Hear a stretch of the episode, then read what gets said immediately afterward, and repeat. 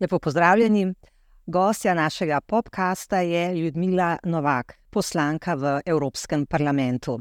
Pozdravljeni. Dober dan. Uh, vi ste bili izvoljeni že na prvih volitvah v Evropski parlament, na katerih je sodelovala Slovenija leta 2004, potem ste se vrnili v domačo politiko na čelo Nove Slovenije leta 2019 pa ste se znova vrnili v Bruselj. Samo eh, nekaj podatkov vaših biografskih. Ko sem iskala te podatke in preverjala, če so pravilni, sem naletela tudi na podatek, da v prostem času eh, pišete drame in jih tudi režirate. To počnete še vedno? Ta trenutek ne. Eh, v času, ko še nisem bila v politiki, sem se pa ukvarjala veliko z ljubiteljsko kulturo v Moravčah ustanovila tudi kulturno društvo, seveda skupaj z drugimi, in pa dramsko sekcijo. In potem sem režirala igre in ugotovila, da pravzaprav veliko časa porabim za to, da najdem ustrezno igro za mojo skupino. Pa ste sami začeli pisati? Ja, prej sem že napisala nekaj otroških iger za Miklauža, naprimer, pa materinski dan. Um, tako da sem potem napisala prvo igro za odrasle in sem videla, da je dobro sprejeto, napisano na kožo mojim igravcem. In tako sem potem kar nekaj iger napisala. Torej, a, bi rekla, da vas zanima na splošno umetnost, literatura. Konkretno me zanima, če ste spremljali a, a, festival, a, knjižni festival v Frankfurtu in še posebej nastop, a, ki je odmeval Slavo Ježiška. Ga, kako se vam zdi? Ja, seveda sem spremljala, kajti to je za Slovenijo izredno pomembno, da smo mi tam časna gostja na Frankfurtskem knjižnem sejmu. No, nastop Slavoja Žižka pa vsekakor je pritegnil veliko pozornosti, najprej kot ime, ker je pač priznan eh, filozof in vedno razburka nekako javnost. In to je dobro. Ne? Tako da na vsak način eh, nam je naredil veliko reklamo, ker naenkrat so ljudje se začeli zanimati, kaj je pravzaprav povedal. Jaz ne bom rekla, da sem neka huda simpatizerka, ampak gotovo so ljudje, ki pač uh, jih nagovori njegova misel. In tudi, kar je povedal, meni se samo po sebi ni zdelo nič tako spornega. Se ne strinjate s kritikami, uh, pozivi celo, da bi morala odstopiti ministrica za kulturo. Uh, in... Če govorimo o svobodi govora, potem je pač prav, da vsak pove svoje mnenje, svoje stališče.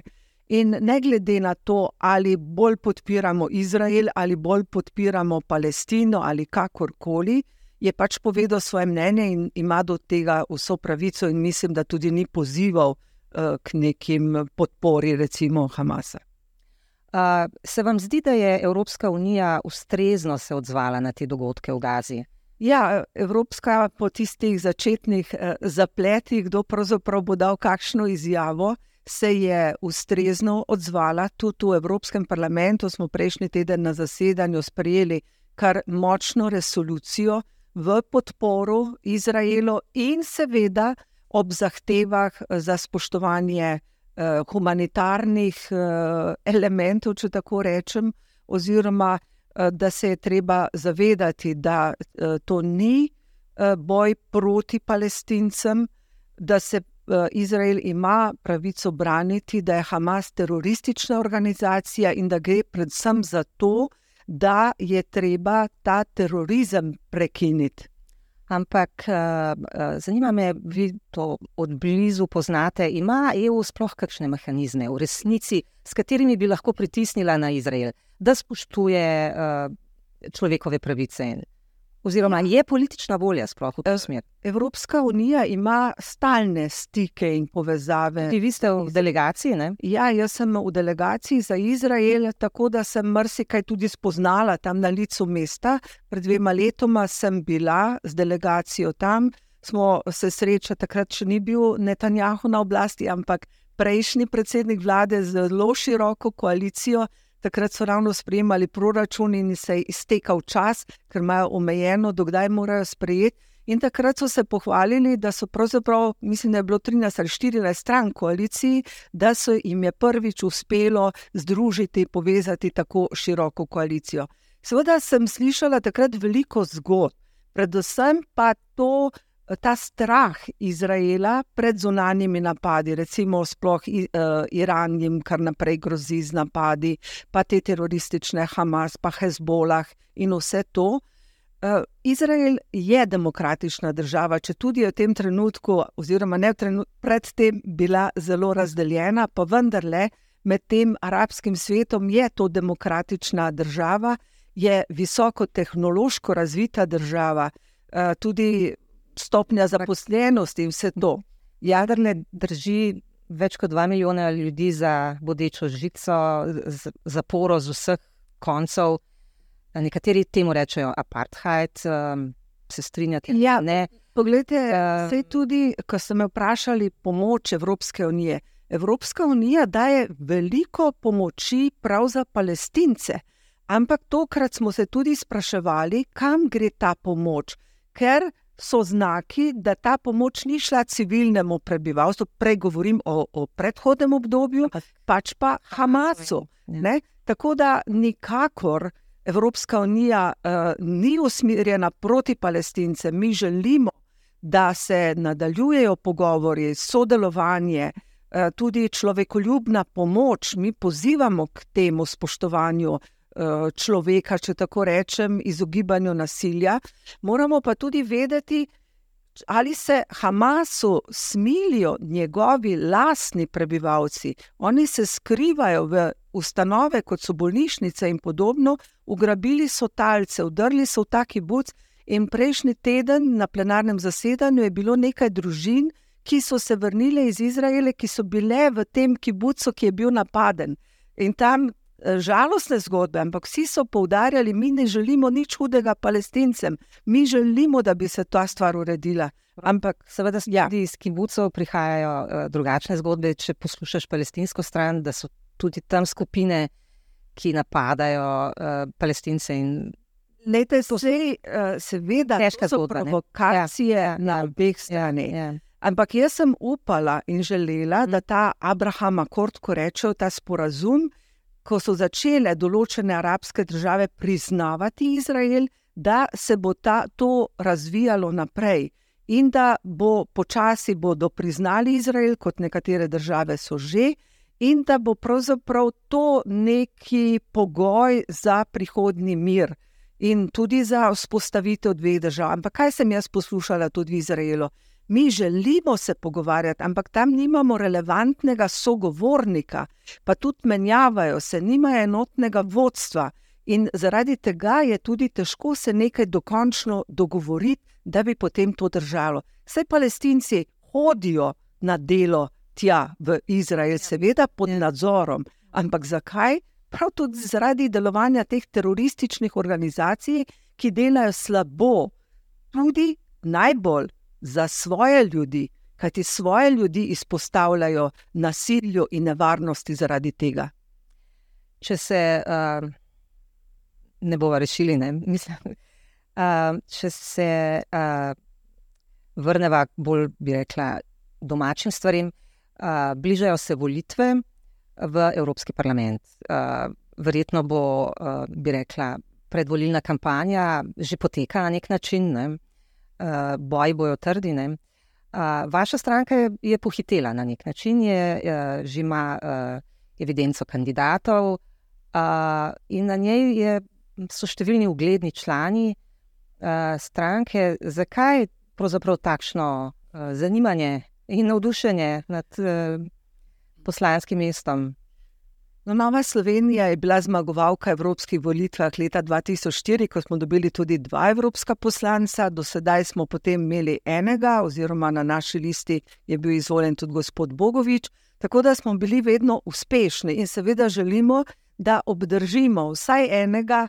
Še bolje bi bilo, če bi imeli spet dva evropska poslanca. To je pomembno, kajti to pomeni, da smo odprti tudi za evropske teme, Jaz tudi vedno poročam v stranki, kaj se v Evropi dogaja, in za nas to je pomembno. Seveda se pa predvolilni boj že dogaja, to jaz vedno znova občutim, ob razno raznih potikanjih, napadih in tako naprej. In uh, Nova Slovenija bo imela en dobro listo. Mislite, iz vlastne stranke ali tudi iz vlastne no, stranke, napadi? um, tukaj ti napadi, seveda, največ prihajajo od, bom rekla, sorodnih strank. Um, tudi opažam, da tudi od drugih strank, kajti tukaj je veliko poklicanih, pa malo izvoljenih. Čeprav bo na teh volitvah bomo izvolili devet evropskih poslancev, prvič, uh, pa vendarle tekma, konkurenca bo huda in zato se pač stranke poslužujejo različnih taktik bo nosilec liste uh, predsednik stranke, Matej, si, si on to sploh želi? Pravzaprav odhod eh, v Bruselj v tem trenutku. Uh, vse je mogoče, o tem še ni odločeno. Uh, tako da o tem bo še, seveda, organi stranke potrjujejo listo za evropske volitve. Jasno je, da kandidatov je veliko, da imamo močne kandidate. Vi boste kandidirali? Uh, To je odvisno, seveda, od dogovora znotraj stranke. Eh, sama sem ponudila, da bi lahko bila spet nosilka liste, glede na izkušnje, ki jih imam, oziroma tudi na pozicijo. Kaj ti vršča, mislim, ko postaneš evropski poslanec, potrebuješ nekaj časa, da prideš v situacijo, da ugotoviš, kako sistem deluje, da si pridobiš zaupanje tudi znotraj svoje stranke. Ne? Eh, vse to potrebuje, eh, zahteva nekaj časa. Tako da jaz sem pripravljen, ampak če bo stranka odločila drugače, bo pač odločila. Resnično ni več pomembno, ne, kdo je nosilec liste zaradi preferenčnega glasu. Ne. Ja, čeprav vedno tisti, ki je nosilec liste, je v absolutni prednosti, ker vsi ljudje ne namenijo preferenčnega glasu in takrat gre pač avtomatično prvemu. Stranka vaša je povabila k sodelovanju tudi SLS, pa na začetku platformo Anžeta Logarja. Takrat ste izjavili, da z SLS nimate težav, ampak z platformo Anžeta Logarja pa ne bi šli na listo. Zakaj? Zato, ker uh, menim, da je Nova Slovenija dovolj močna stranka, ki lahko gre samostojno na te volitve. Ta lista skupaj z SLS-om v preteklosti je bila že uh, uspešna, zato bi se mi to zdelo smiselno, ker na drugi strani tudi SLS sama po sebi bo težko dobila kakšnega poslanca. Eh, platforma pa zaenkrat to še ni niti stranka. Vemo tudi, uh, kje so korenine te stranke. Uh, to se je interpretiralo, kot da jaz ne maram Anžeta Logara. Ne, jaz nisem proti njemu osebno, prav nič nimam proti njemu, ampak tako se mi zdi pomembno, da Nova Slovenija lahko samostojno listo gre na volitve, dobi poslanca, kakorkoli smo pa skupaj s to platformo, ki še bi se morala najprej ustanoviti kot stranka, sploh. Eh, drugič pa tam pa bi bili lahko tudi, bom rekla, prikrajšani za kakšno mesto ali pa sploh za mesto. Uh, pravzaprav stalno se dotikamo tega, teh rahlih sporov uh, z sorodnimi, kot ste sami dejali, strankami. Vi ste pravzaprav kar na nek način zasloveli s tem, tudi s tviti posebej o, o Janezu Janši. Napisala sem: Vstani in pojdi, Slovenija ti bo hvaležna. Človek je v karieri prehodil vse maurične barve, od leve do desne, ne more kritizirati vredno drugih in tako naprej. Uh, kdaj se je pravzaprav pri vas zgodila ta točka in zakaj, ko ste spremenili mnenje o Janezu Janši? Lejte, vi ste zdaj povedali moje tvite, ampak moji tviti so bili odgovor na vrsto njegovih tvitev, ko sem enkrat rekla, zdaj pa dovolj, zdaj pa moram tudi jaz povedati nekaj, kar včasih se mi zdi, ne zdi niti vredno več, da bi uh, se s tem ukvarjala. Uh, ker si niti ne znam predstavljati, zakaj nek človek potrebuje toliko neke negativne, negativnosti. Ne? In zato ga raje pustim na miru, ampak v nekem trenutku je pa vendarle treba povedati tudi svoje mnenje. Taj se je zgodil prelomni trenutek, bom rekla, leta 2014, uh, ko smo sprejemali arhivski zakon. Ko, sem, uh, ko je tudi SDS ta zakon podpiral, na dan glasovanja so spremenili odločitev, mi smo zakon podprli, ker smo prej uh, vse preštudirali, se posvetovali, vsi so govorili, kako bo to bolj odporno arhive, in potem smo podprli. In sem bila takoj na Twitterju razglašena, da podpiram UDBO, zapiram arhive. Še eno leto prej sem bila zadnja, ki sem stala v predsedniku takratne vlade in ustrajala v koaliciji. Takrat sem pa potem, vse to je pa sprožilo uh, ta njihov mehanizem diskreditacije, ki se ob takem tvitu pojavi. In potem sem imela težave znotraj lastne stranke, ker so nekateri naši člani začeli uh, verjeti v to, in sem morala potem kar uh, na terenu narediti veliko obiskov, da sem razložila, zakaj pravzaprav gre. Torej, arhivi niso zaprti, tudi gospod Možina je debelo knjigo lahko napisal v zvezi uh, s slovenskim razkolom in tudi drugi zgodovinarji. Tako da uh, takrat sem videla način delovanja, uh, ko pravzaprav nič nisi kriv, nič nisi naredil, korektno si sodeloval in naenkrat dobiš takšen udarec. No, in potem sem videla, da je to pač stalna praksa, diskreditacije, likvidacije, kot pravijo, in da vse tisto, kar pravzaprav sami počnejo, potem pripišajo drugim. In na koncu je izgledalo, kot da sem jaz tista, ki te uh, spore sprožam, ampak moji tviti so bili.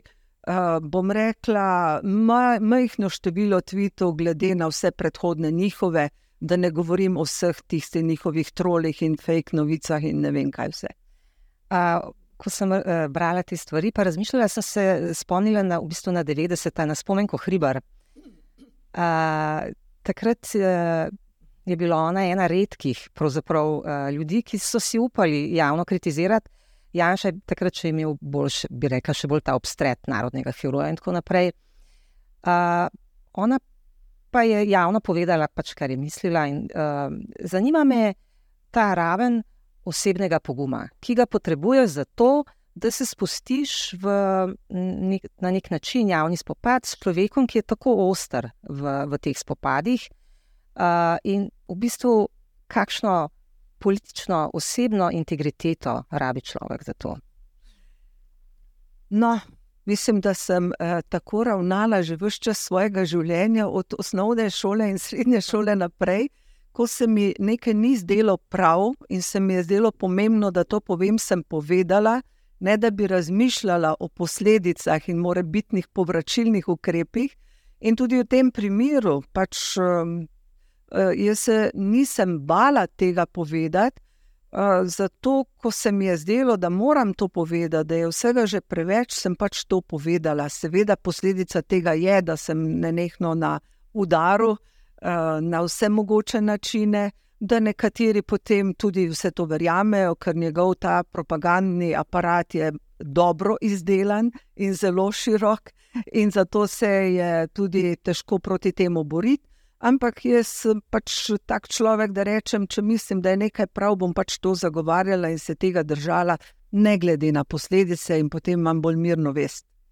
No, a, kako pa je pravzaprav v par, Evropskem parlamentu? A, tudi tam prihaja do nekakšnih sporov s kolegi vašimi, ki so v isti skupini politični. Ne?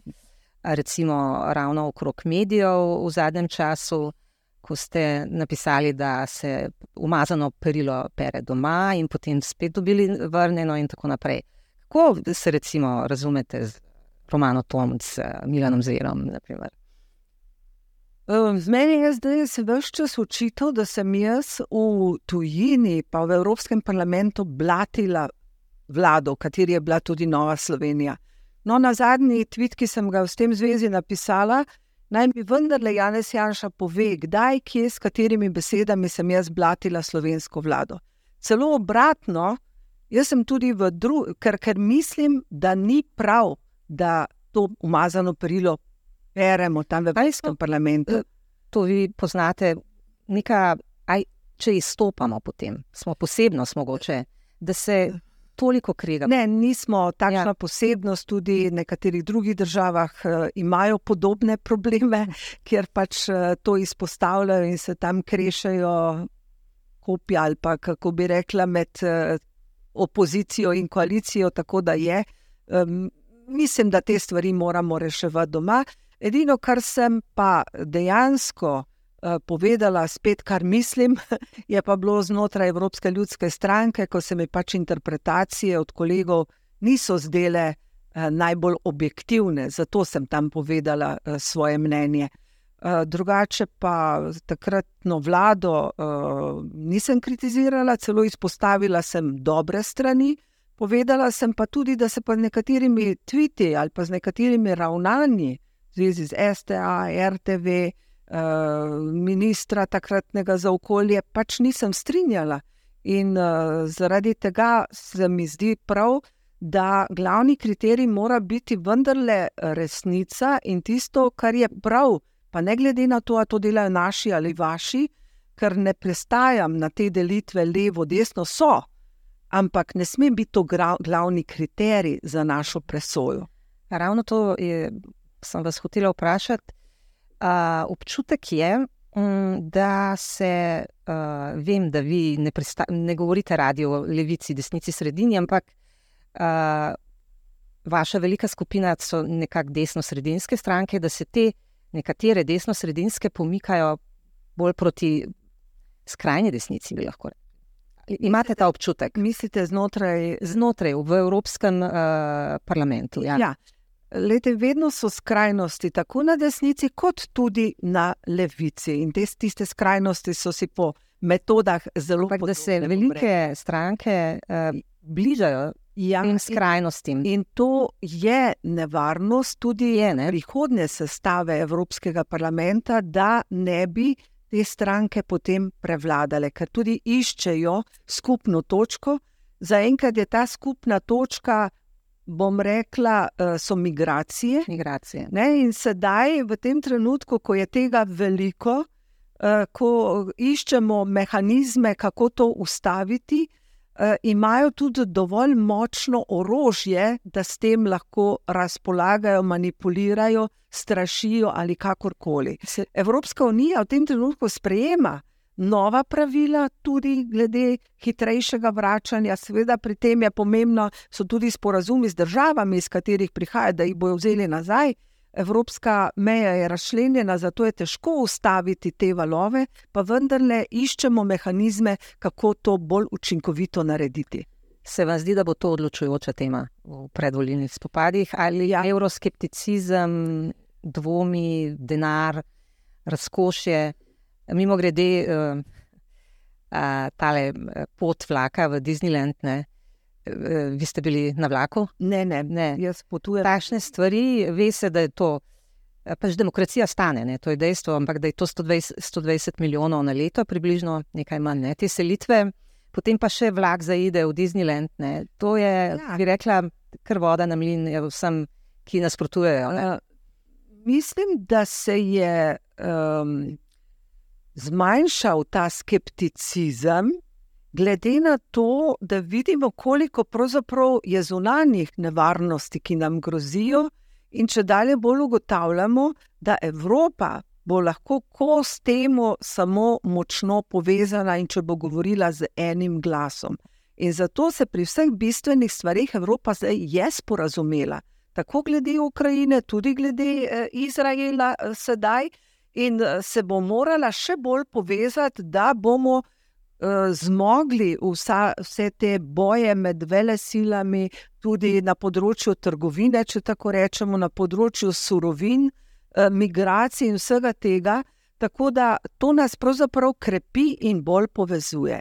Seveda pa ta boj proti migracijam, proti na nek način tem zunanjim sovražnikom, nacionalizmi, to pa se pri nekaterih strankah krepi in zato bo še kako pomembno, kakšna bo sestava prihodnega Evropskega parlamenta. Ali bodo tam neki zmirni ljudje, ki bodo delovali povezovalno, ali bodo tam tisti, ki vidijo samo sebe, pa ki vidijo neke skrajne rešitve. Pomembno bo, pa ne vem, ali je to že izgubljena bitka, kako pritegniti nove voljivce, se pravi mlado generacijo, ki pa jih zanimajo druge stvari, ne? okolje, podnebje. Uh, No, vse to ja, so teme. Ja. s katerimi se Evropski parlament intenzivno ukvarja. Ja. Sama sem tudi članica odbora za okolje, yeah. tudi sama sem trenutno uh, poročevalka v Senci, to pomeni za EPP, pom ki bo pomembna v prihodnjem obdobju. To je o prsti, o zemlji, o zdravi zemlji, ki je po drugi strani glifosat ostaja. Ja, ogromno stvari je, ki uh, imaš občutek, da Evropska unija pač. Uh, da so interesi kapitala še vedno pred interesi, bi rekla, in okolja, in uh, razvoja zelenega, in, Ne samo kapital. in social. Ja. Tukaj imamo zvezo 27 držav in vsaki državi je neko drugo stanje. Ali vsaka država lahko je na nekem uh, področju bolj občutljiva, ali pa ne bo zmogla vseh teh ciljev doseči, zato je težko potem priti do skupnih dogovorov. Kar se pa tiče mladih, mladi so bolj ozaveščeni o pomembnosti Evropske unije, tudi zavedajo se, da imajo zaradi tega več možnosti odprtih, več poti odprtih. In jaz sem vesela, da tudi slovenske šole temu posvečajo če dalje več pozornosti, da se vedno več šol, srednjih šol, vključuje uh, v to uh, izobraževanje. Evropske uh, šole, ambasadorke Evropskega parlamenta, to je lansko leto, je bilo, mislim, da okrog 80 šol že vključenih, prihajajo tudi na obiske v evropske inštitucije, tako da to poznavanje Evropske unije se povečuje in zavedanje. Seveda pa nikoli ni dovolj, prihajajo nove generacije, na tem področju je treba ustrajno delati še naprej. Zanima me, bila je podeljena nedavno nagrada Saharova, dobile so jo iranske ženske posthumno ubita. Aša, Ja, ja, Amini, ja. Ma, Maša, ma, Uh, super je, da Evropski parlament uh, podpira boj žensk v, v Iranu. Iranu. Um, po drugi strani, uh, mogoče verjetno poznate, uh, v številnih državah, tudi v Sloveniji, se vse bolj so glasni uh, tisti, ki uh, so proti abortusu, proti pridobljenim pravicam žensk. Proti abortusu, uh, potem so bile ne, nedavne te javne molitve uh, z zelo jasnim sporočilom ženskam. Ne? To ni vi v javnosti, nimate glasu, moški je pametnejši, mora razmišljati na mestu vas. To so obrobne stvari, bi rekla, v Sloveniji, ampak vseeno me zanima vaš komentar. Tema splav in LGBT se politično zelo izkorišča in z njo manipulira. Ni v pomoč ženskam in ni v pomoč tem uh, skupinam oseb, ker postaja to politična tema. Uh, jaz sem proti uh, splavu, kar se mene osebno tiče, nisem pa za prepoved uh, splava, ker vem, da bi to vodilo do lahko. Ste zato, da to ostane v ustavi? Sem pa zato, da se o tem pogovarjamo na uh, dostojen način, da predočimo, da ne, rečemo, da ne rešimo vsega problema s tem, ko rečemo, to je pravica ženske, to je moje telo. Ker za me to, če uh, otrok spočet ni samo moje telo, je tudi telo ali pa življenje nekoga drugega. In kako je že tisti, kar je rekel Reagan, uh, da za uh, abortus se borijo vsi tisti, ki so že rojeni. To se pravi, da tukaj gre tudi za novo življenje, in ne moremo kar z levo roko reči, to je pa pravica ženske, to je pa njeno telo. Zato, in ne obsojam nobene ženske, kajti ona, ženske, se veliko krat znajde v težki situaciji in ni tako enostavno reči, naredi sploh ali pa ne naredi. Ne? To je na koncu le njena odločitev. Bolj spoštljivo se moramo pogovarjati in tudi narediti več za ozaveščanje o tej temi. No, Slovenija je, mislim, da je izjemno veliko naredila. Uh, imamo izjemno, bi rekla, nizke številke v primerjavi s uh, abortusom. dobro. Uh, tako da, kvečemu bi morali krepiti to, uh, to politiko, to delo ginekologov, dolgoletno porodničarjev in tako naprej. Um, kaj pa te javne molitve? Nekateri pravijo, da, da če, nasprot, če temu nasprotuješ, da si proti cerkvi v javnem prostoru, čeprav očitno ne gre za to. Um, Glede, spet bom rekla, imamo svobodo govora, svobodo zbiranja, in če je to v skladu s pravili, kar se tiče javnega reda, če so dovoljeni razno razni koncerti, taki in drugačni, taki in drugačni protesti, potem molitev, ki je pa vendarle eh, neka želja po pozitivnih spremembah, potem zakaj bi te to prepovedovali? Za me je sicer molitev bolj neka intimna zadeva, oziroma znotraj uh, cerkve, znotraj skupine, s katerimi se jaz povezujem, ampak ne vem, zakaj bi to prepovedovali. Ne, seveda ne. Samo za, za vsebino me je zanimalo, če imate kakšen odnos do vsebine tega, kar uh, pridigajo. Uh, no, kolikor vem, se pač zavzemajo za življenje.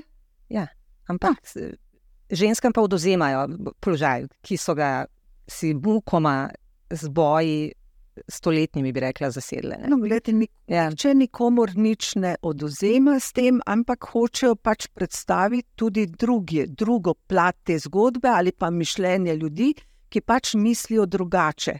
In Uh, vem, da pred nekaj leti so imeli v času uh, to gibanje za življenje, tam pri Frančiškanski crkvi, en film o življenju, o spočetem življenju. Zakaj bi bilo to nasproti splavu? To se pravi, oziroma zakaj bi splav poveličevali uh, na mesto življenja? Zato moramo z te strani gledati. Poglejmo, uh, kaj pravzaprav oni hočejo. Kdor se pa, torej v Sloveniji, splav ni prepovedan, kdor pač misli drugače, se bo odločil drugače. Jaz nikogar ne obsojam, ampak lahko pa izražam svoje mnenje. Mislim, da splava nihče ne poveličuje. Ne? Ja, se vedno da kot uh, opcija, ki je zagotovljena. Včasih na prelahkoten način rečemo, to je pa moja pravica. Uh, mogoče to videti za eno širšo razpravo. Da, ja. Ja. Uh, zanima me. Um, običajno zasedate kar visoka mesta v teh anketah priljubljenosti politikov. Uh, in marsikdo vas vidi, pravzaprav že nekaj, nekaj časa, kot morebitno kandidatko za predsednico države, ali razmišljate, kaj v to smer. Uh, poskusili ste že enkrat, leta 2017, takrat dobili približno toliko, uh, takšen odstotek glasov kot stranka, potem na volitvah, in takrat ste izjavili, da uh, ste pač kandidat stranke je strankarsko omejen. Če bi še, morda bi šli kot uh, samostojna kandidatka, morda s podporo kakšne stranke. Lejte, zadnje predsedniške volitve. Um, tistem času moram reči, da sem dobila veliko pozivov, prošen ljudi, ki so me pač videli na tem mestu. Sama pred niti nisem o tem razmišljala, ker sem enkrat poskusila, vemo, takrat Boris Borod Pakor je polovico glasov imel že rezerviranih, stranke so imele, je bilo težko. Res je, takrat bi, če bi dejansko se za to odločila, bi se morala kot nestrankarska kandidatka, ker mislim, da imam podpornike. Ne samo v svoji stranki, ampak tudi širše med, ljudi, med ljudmi, ki pač nekako um, v moji drži ali pa vidijo neko dobro ali pa nekaj pozitivnega. Uh, Uh, no, ampak vendarle, uh, takrat se nisem uh, za to odločila, zato um, ne razmišljam, da bi pa v prihodnosti se za to odločila. Čeprav v nekaterih državah imajo zelo stare predsednike. Jaz pa takrat, če ne bom tako stara. Absolutno, absolutno ne. ne. Vsta kapital, ki ga uh, vidimo, neke uspešne vrnitve, ne, tu skrecimo na polskem in tako lahko se vrneš iz Bruslja. Ja, se, uh, se lahko vrneš in tu je tam se pač čuto, da mora za svojo državo nekaj narediti, ker se pač s tisto situacijo. Uh, ni mogel strinjati, in je bilo treba nekaj močnega narediti, in opozicija je. Ste veseli izida na polskem? Ja, ja sem. Uh, zato, ker Poljska je veliko krat napeti na tapeti in je šla preveč neko oskoglednost, uh, kar ni dobro, in tudi bom rekla, kar precej nacionalizem se je že tam pojavljal, še najhuje pa bilo v zvezi s sodstvom, kjer pa so razveljavljali sodbe in podobne stvari, kar je pa nasprotjo. Uh, z demokratičnimi pravili in z svobodnim sodstvom. No, prej ste me, pravice žensk. Ja, prej ste me spraševali glede anket. No, eh, nekateri anketari so se pač odločili, da evropske poslance več ne uvrščajo, v nekaterih anketah še vedno sem vesela, da sem na sorazmerno visokem položaju, ampak eh, bila sem, bom rekla, zadnjih deset let sem vedno bila tam nekje med prvimi deset. Uh, to je pač um, en odraz tega. Včeraj deveti. Kako? Včeraj na devetem. Ja, nedeljo je uh, bilo objavljeno. Ja, ja. ja so vas prekinili. Ne, je pa tako, ne? eni verjamejo anketam, takrat, ko njim dobro kaže, ko drugim dobro kaže, pravijo, da so izmišljene. Sigurno je odraz tudi neke, nekega mnenja. Je pa tako, ne? Jaz sem bila že tudi na prvem mestu, potem je prišla nova vlada, pridejo novi obrazi, ampak tam se hitro vrti okrog.